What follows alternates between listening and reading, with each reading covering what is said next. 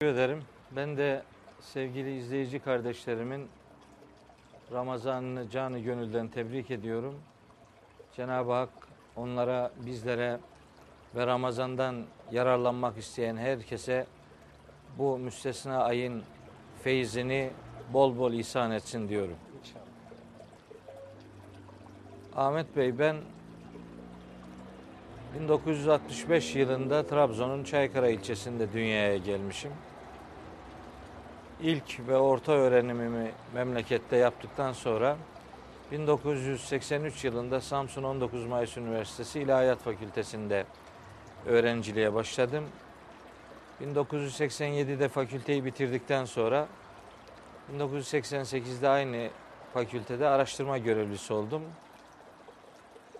1990'da yüksek lisansımı, 1994'te de doktora çalışmamı yine Samsun'da bitirdim. 1995 ila 2002 yılları arasında Samsun'da 19 Mayıs Üniversitesi İlahiyat Fakültesi'nde tefsir ana bilim dalında yardımcı doçent olarak görev yaptım. 2002 yılında doçent oldum. O gün bugündür Samsun'da tefsir alanında İlahiyat Fakültesi'nde öğretim üyeliği görevimi devam ettirmeye gayret ediyorum. Rabbim daha âli makamlar nasip etsin hocam. İnşallah hayırlısıyla.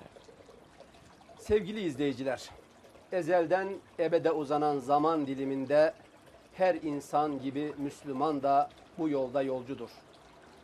Hepimiz, pek çoğumuz biliyor ki aramızda bundan önceki Ramazan'da olup da bu Ramazan'da olmayan kardeşlerimiz var.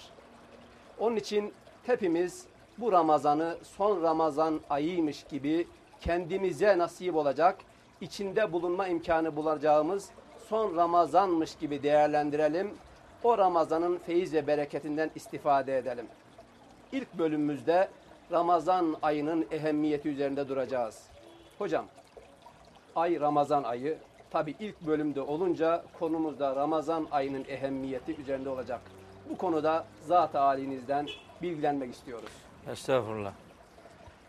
Ahmet Bey, ifade ettiğiniz gibi Ramazan ayı Müslüman hayatının üzerinde son derece olumlu etkiler bırakması için zamanı, süresi, içeriği tamamen Cenab-ı Hak tarafından doldurulmuş ve Müslümanlara bahşedilmiş yeniden silkinme ve kendini yeniden kontrol etme, kendinin farkına varmayı öğrenmesi gibi etrafının farkına varmayı da insana öğretmesi amaçlanan çok önemli bir ibadet ayı ve Kur'an ayı diye tanımlanır.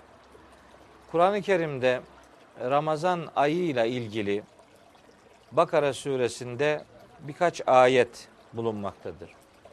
Bunlardan bir tanesini bu vesileyle hemen söyleyeyim. Bakara suresinin 185. ayetinde Yüce Allah Estağfirullah şöyle buyuruyor.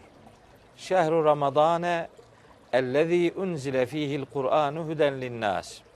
Ramazan ayı içerisinde Kur'an'ın indirildiği aydır. Ramazan'ı Yüce Allah Kur'an'ın indirildiği ay diye tanımlıyor. Bu tanımdan hareketle biz Ramazan Kur'an ayıdır desek çok isabetli bir tanım yapmış oluruz. Gerçekten Ramazan Kur'an'ın indirildiği aydır. Ancak indirildiği ay ifadesi belki yanlış anlaşılabilir. Ramazan'da Kur'an indirilmeye başlanmıştır demek daha sağlıklı bir anlayışın oluşmasına vesile olabilir. Çünkü Kur'an-ı Kerim'in indirilmesinden söz eden başka ayetler de var zaman olarak. Mesela Kadir suresi Ramazan ayı içerisinde bulunan Kadir gecesinde de Kur'an'ın indirilmeye başlandığını ifade eder. Duhan suresinin ilk ayetlerinde de bir mübarek geceden söz eder Yüce Allah. Hamim vel kitabil mübin inna enzelnahu fi leyletin mübareketin. Kur'an'ı biz mübarek bir gecede indirdik. mübarek bir gecede indirmeye başladık demektir bu.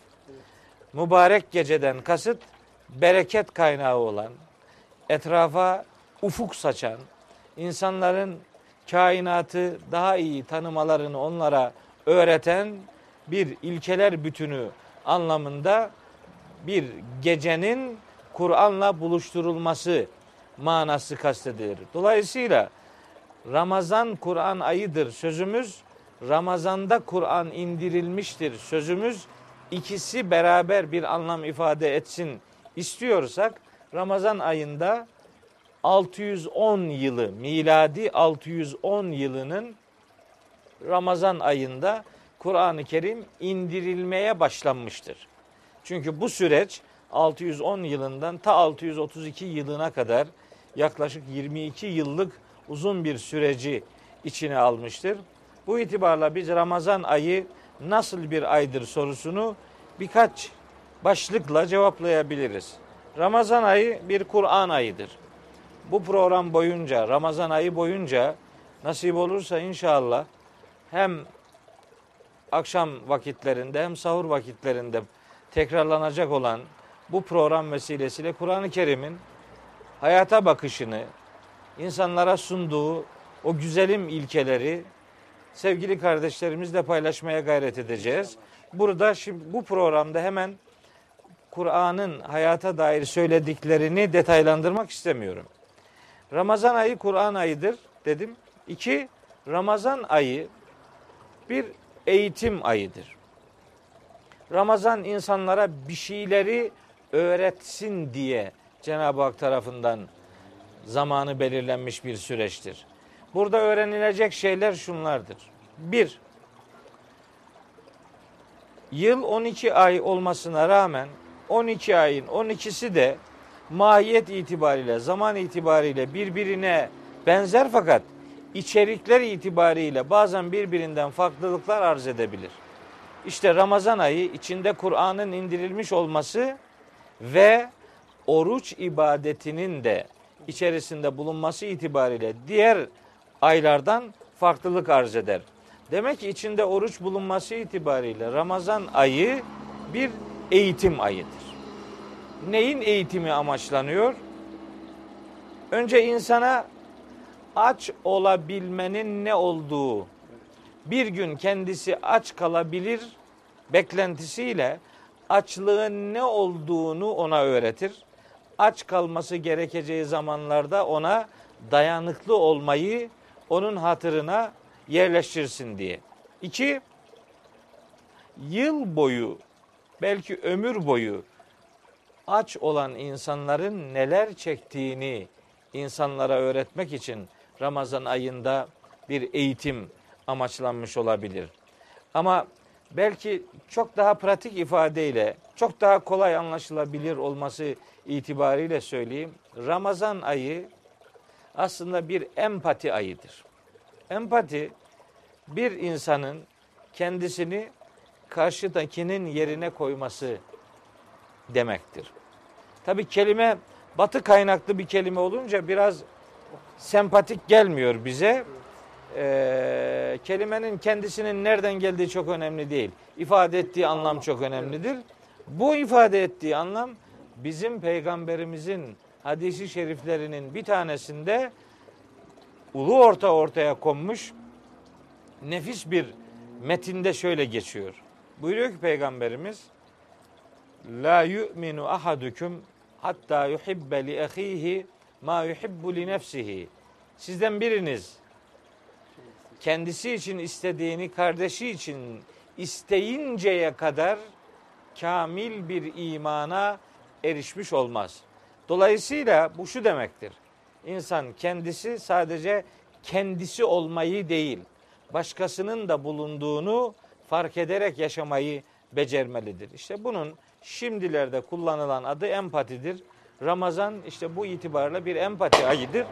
Farklılıkların, farklı insanların, farklı sıkıntılar içerisinde, farklı hayat şartları içerisinde hayatını devam ettiren insanların o şartlarda neleri devam ettirdiklerine, neleri yaşadıklarına, nelere katlandıklarına insanların bilgi olarak sahip olmalarını sağlamayı amaçlayan bir aydır Ramazan ayı. Ve belki toparlayıcı olması bakımından da söyleyeyim. Ramazan kelimesi zaten kelime olarak da rahmetin aktığı, bolca fışkırdığı ilahi rahmetin insanlarla buluşturulduğu, bolca buluşturulduğu bir zaman dilimidir diye tanımlayabiliriz Ramazan ayını. Hocam az önce hiç düşünmemiştim. 610 yılı Hazreti Peygamber'e peygamberlik geldiği yıl. Evet. Peygamberliğin geldiği yıl. Tabi biliyoruz ama şimdi dikkatimi çekti. Hazreti Peygamber'e peygamberliğin geldiği yıl Kur'an'la olunca Kur'an'ın da o yıl indiğini ben inmeye başladığını şimdi düşündüm. Evet. Hakikaten bak İyi bir sonuç kadar- elde ettiniz. Yani Rabbim şükür Allah razı olsun ağzınıza sağlık. Estağfurullah. Hocam. Ramazan ayı Kur'an-ı Kerim'de geçiyor. Evet. Bu malum kameri aylardan Kur'an-ı Kerim'de geçen başka ay var mı? Ramazan ayının Kur'an'da ayrıca zikredilmesi gerçi bahsettiniz ancak dinleyenlerimizin de daha net ifadeyle anlaması için söylüyorum. Başka bir ay var mı? Elbette eee, hemen söyleyeyim. Kur'an-ı Kerim'de kameri ayların Ramazan'dan hariç böyle Recep ayı, Şaban ayı, Muharrem ayı, Zilkade ayı, Zilhicce ayı diye böyle isimleri böyle teker teker ifade edilmez ama haram aylar diye tabir edilen çok önemli dört ay var. O dört ayın birkaç defa Kur'an-ı Kerim'de yer aldığını biz biliyoruz Kur'an-ı Kerim'den.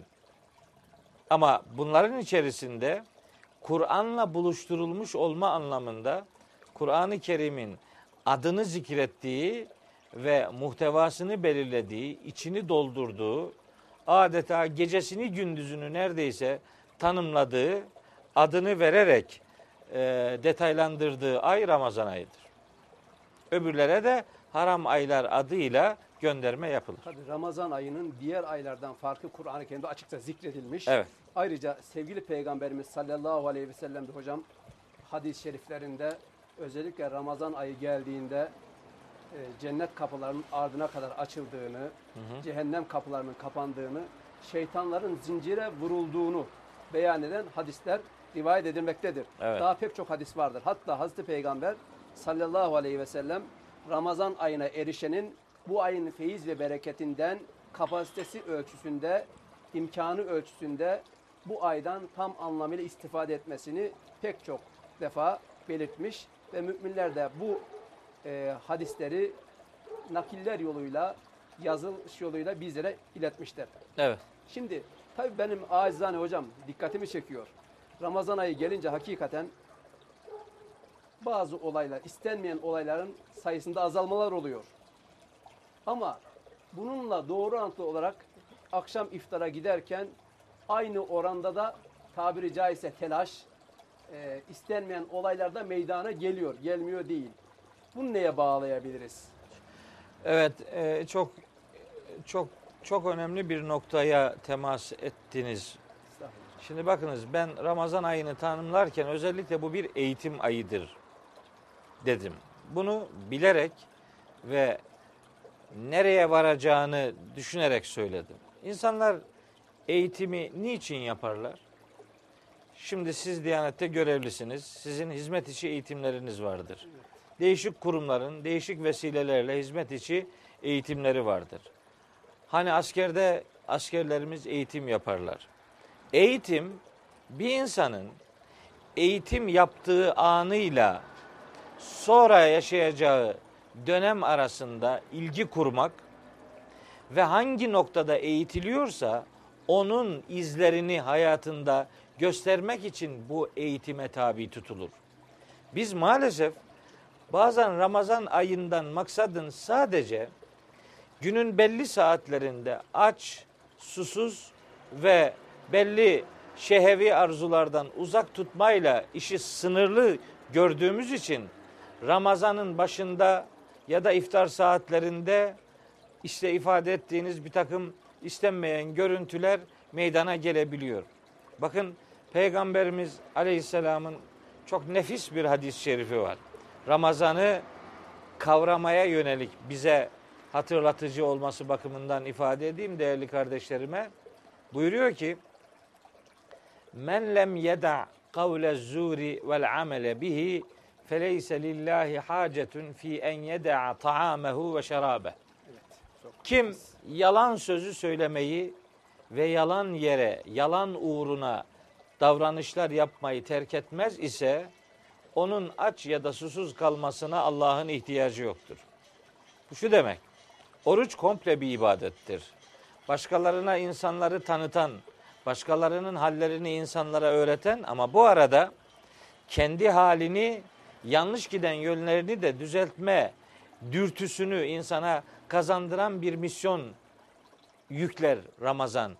Şimdi akşam mesela akşam olmasını bırakın.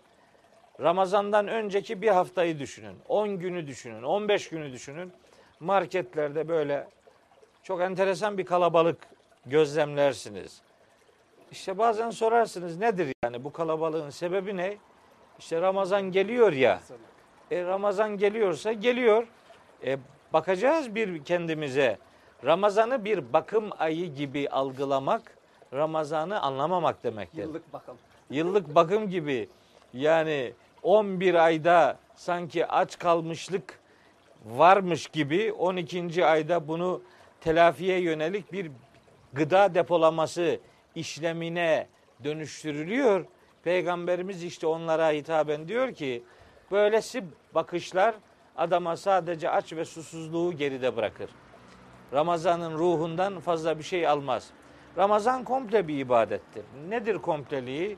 Gözünü haramdan sakınmak, kulağını haramdan sakınmak, ayaklarını, ellerini haramdan sakınmak, beynini haramdan sakınmak, bütün vücut organlarını belli bir eğitimin içerisine sokmak ve burada kazanılacak güzelliklerle yılın geri kalan 11 ayında da o düzgün gidişatı hayatın tamamına yayabilme amacıyla Ramazan insana bir şeyler bırakır.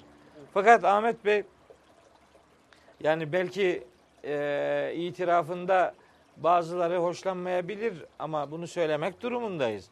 Şimdi adam sahura kadar yatmıyor. İşte kahvede bir takım işlerle meşgul oluyor. Ondan sonra sahurda evine gidiyor. Yani çok aşırı bir yemek yiyor. O aşırı yemekle beraber koma halinde, yarı koma halinde uyuyor. Artık ne sabah namazını kılıyor, ne öğleyi kılıyor. İkindiye zar zor uyanıyor. Akşama bir iki saat kalmış.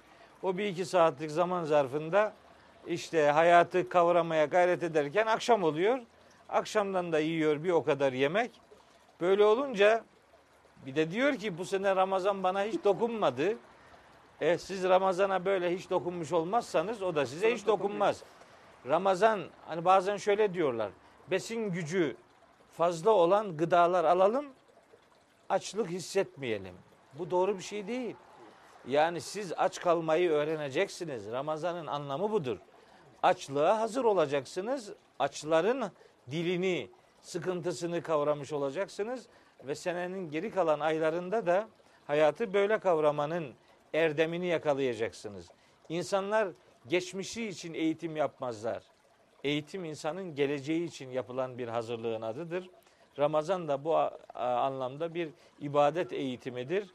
Hayatı kuşatıcı şekilde orucu uykuya tutturmayı değil, orucu gündüz uyanıkken tutmayı ve vücudun bütün organlarına tutturmayı ilke edinmek durumundayız. Nahoş görüntülerden kurtulmak istiyorsak. Saygıdeğer hocam, e, Hazreti Peygamber sallallahu aleyhi ve sellemin Ramazan'daki oruçla ilgili bu hadisi söyleyeceğim. Oruç konusuna elbette değineceğiz ama bir şey burada aklıma geldi. Onu da tabi zikretmeden geçemeyeceğim. Hazreti Peygamber sallallahu aleyhi ve sellem buyuruyorlar ki Men sâme ramazane imanen ve ihtisaben gufure lehu ma teqaddeme min zenbi. Evet. Yani kim inanarak, hakkını vererek, kalben bir gün hakiki manada halisane bir şekilde oruç tutar, Cenab-ı Hak o kişinin tüm geçmiş günahlarını affeder diyor. Şimdi buradan bir şey aklıma geldi. Tabii çok güzel bir hakikaten müjde bu. İnsanlara tabiri caizse İslamiyet'i sevdirme, karşılığında büyük bir mükafatı elde etme. Çok güzel bir müjde. Şu aklıma geldi. Malum kutuplarda Ramazan diye bir şey yok. Evet. Peki oradaki insanlar bu müjdeden mahrum mu kalacak? Onlar Ramazan ayının nimetinden istifade edemeyecekler mi? Veyahut da onlar için bu ödül mü? Ramazan'dan muaf olmaları veyahut da muaf değillerse neye göre oruç tutacaklar? Evet. Ee, kutuplarla ilgili e, hususiyet tabi 6 ay gece 6 ay gündüzlükten Hocam Norveç mesela. kaynaklanan edersiniz, İsveç. farklılıklar var. Oralarda ibadetin nasıl yapılacağına dair yine peygamberimizden bildiğimiz pratik örnekler var. Evet. Peygamberimiz buyuruyor ki o tür yerlerde gecesi ve gündüzü o anlamda çok uzun olan yerlerde ibadetler oraya en yakın normal yerlerdeki saatlere göre yapılır. Yani Norveç'te de yaşasa, Antarktika'da da yaşasa, başka bir yerde de yaşasa oraya en yakın normal zamanlarda ibadetini yapan bölgelerde durum neyse oradakilerin de yapması gereken odur. Yani 6 ay gece 6 ay gündüz ifadesi böyledir diye 6 ay uyuyan kimseyi görmedi insanlar. Evet. Onlar gene normal uyku saatlerini gene yaşıyorlar. Uyanık kalmaları gereken saatleri de yaşıyorlar. Yani zamanın e, ekvatora yakın yerlerdeki zaman dilimi Neyse. kutuplarda farklıdır diye kutuplardakiler bu uygulamalardan muaf tutulmuş değillerdir. Çok garip bir e, uygulama olduğunu bildiğim bir örnek vermek istiyorum. E, çeşitli vesilelerle yurt dışına falan gidiyoruz.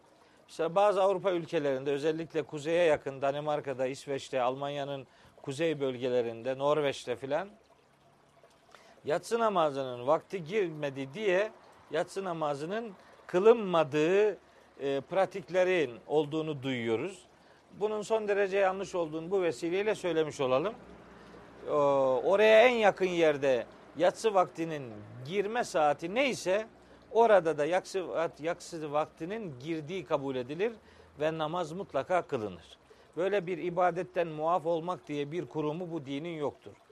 O kadar yoktur ki o kadar yoktur ki mesela namaz ibadetini bu programda inşallah konuşacağız daha sonraları. Savaşta, savaş yolculuğunda değil, cephede Nöbetleşe. dahi nöbetleşe namaz kılma emri vardır. Dolayısıyla ibadetten bu anlamda muaf tutulmuşluk kesinlikle söz konusu değildir. Bir defa Ahmet Bey ibadetleri Allah emretmiştir. Allah'ın emrettiği her şey güzeldir. Allah çirkin olan bir şey emretmez. Öyle ayeti kerime var. Ee, İnna Allah la ye'muru bil fahşa. De ki Allah çirkinlikleri emretmez. Ayetin numarasını da söyleyeyim. Araf suresinin 28. ayetinde buyuruyor. Allah çirkin şey emretmez. Oruç Allah'ın emridir. Bakara suresi 183. ayet çok açık bir şekilde bu emri ifade ediyor ve bu, bunun bu ümmete özel bir ibadet olmadığını, daha önceki ümmetlere de bu ibadetin farz kılındığını ifade ediyor. Dolayısıyla zamanını da bildiriyor. Bunun bir ay olduğu ifadesi Kur'an-ı Kerim'de 185. ayette yerini buluyor. Adeta detayı verilen böyle bir ibadetin hayata güzellikler katmakta olduğunu hatırımızdan hiç çıkartmamalıyız.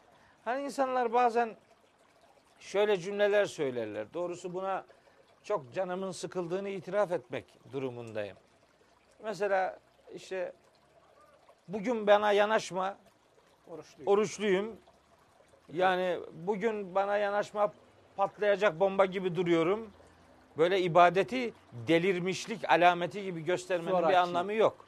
Yani ibadeti başka kötülüklerin gerekçesi gibi sunmanın bir anlamı yoktur. Müslüman ibadetinden zevk alan insandır. Çünkü ona o ibadeti Allah emretmiştir. Allah'ın emrettiği her şey güzeldir. Ramazan bu itibarla sosyolojik bir ibadettir. Ekonomik bir ibadettir. Hayatı kavratan bir ibadettir. Bunun zevkini tatmak, sahurunu, gündüz oruçluluğu, akşam iftar törenlerini, yatsı namazından sonraki teravih uygulamaları bütünüyle 24 saati kuşatan, hayatı renklendiren önemli bir misyon ibadetidir. Sorunuzun kenarında işte e, Ramazan orucunu inanarak ve karşılığını Allah'tan bekleyerek tutanların geçmiş günahları bağışlanır anlamına gelen hadis-i şerifi de okumuştunuz. Belki bu programda hadislerle ilgili de söyleyecek sözlerimiz elbette olacaktır. Ancak programın sonuna yaklaşıyoruz. Birkaç cümleyle toparlamak Hayır. istiyorum.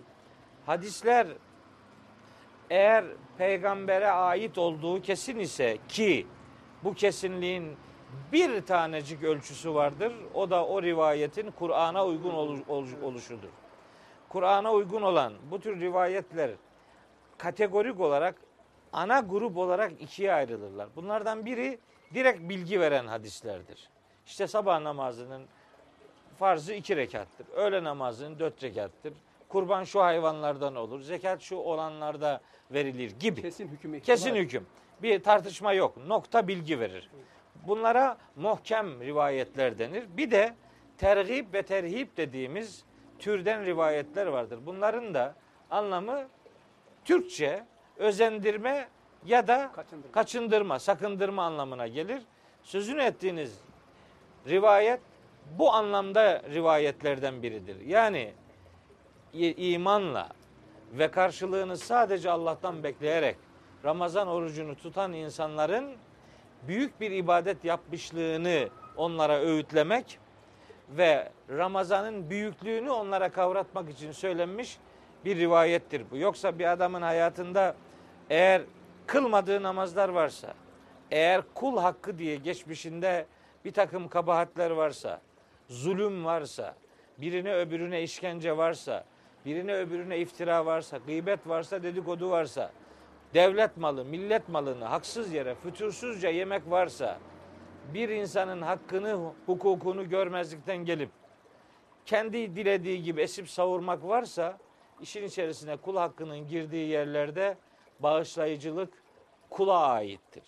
Ondan hak helallığı almadan onun günahlarını filan kimse bağışlamak durumunda olamaz. O hadis-i şerifte ifade edilen hususiyet Ramazan'ın güzelliğine, rahmet ayı olduğuna dikkat çekmekten ibarettir. Yoksa diğer bütün yapılan hareketlerin hesabının görüleceği yer ruzi mahşerdir. Yüce Allah'ın katıdır. Ramazan ibadeti o hesapta insanın muamelesini hafifletmeye yardımcı olacak işlemlerden sadece bir tanesidir.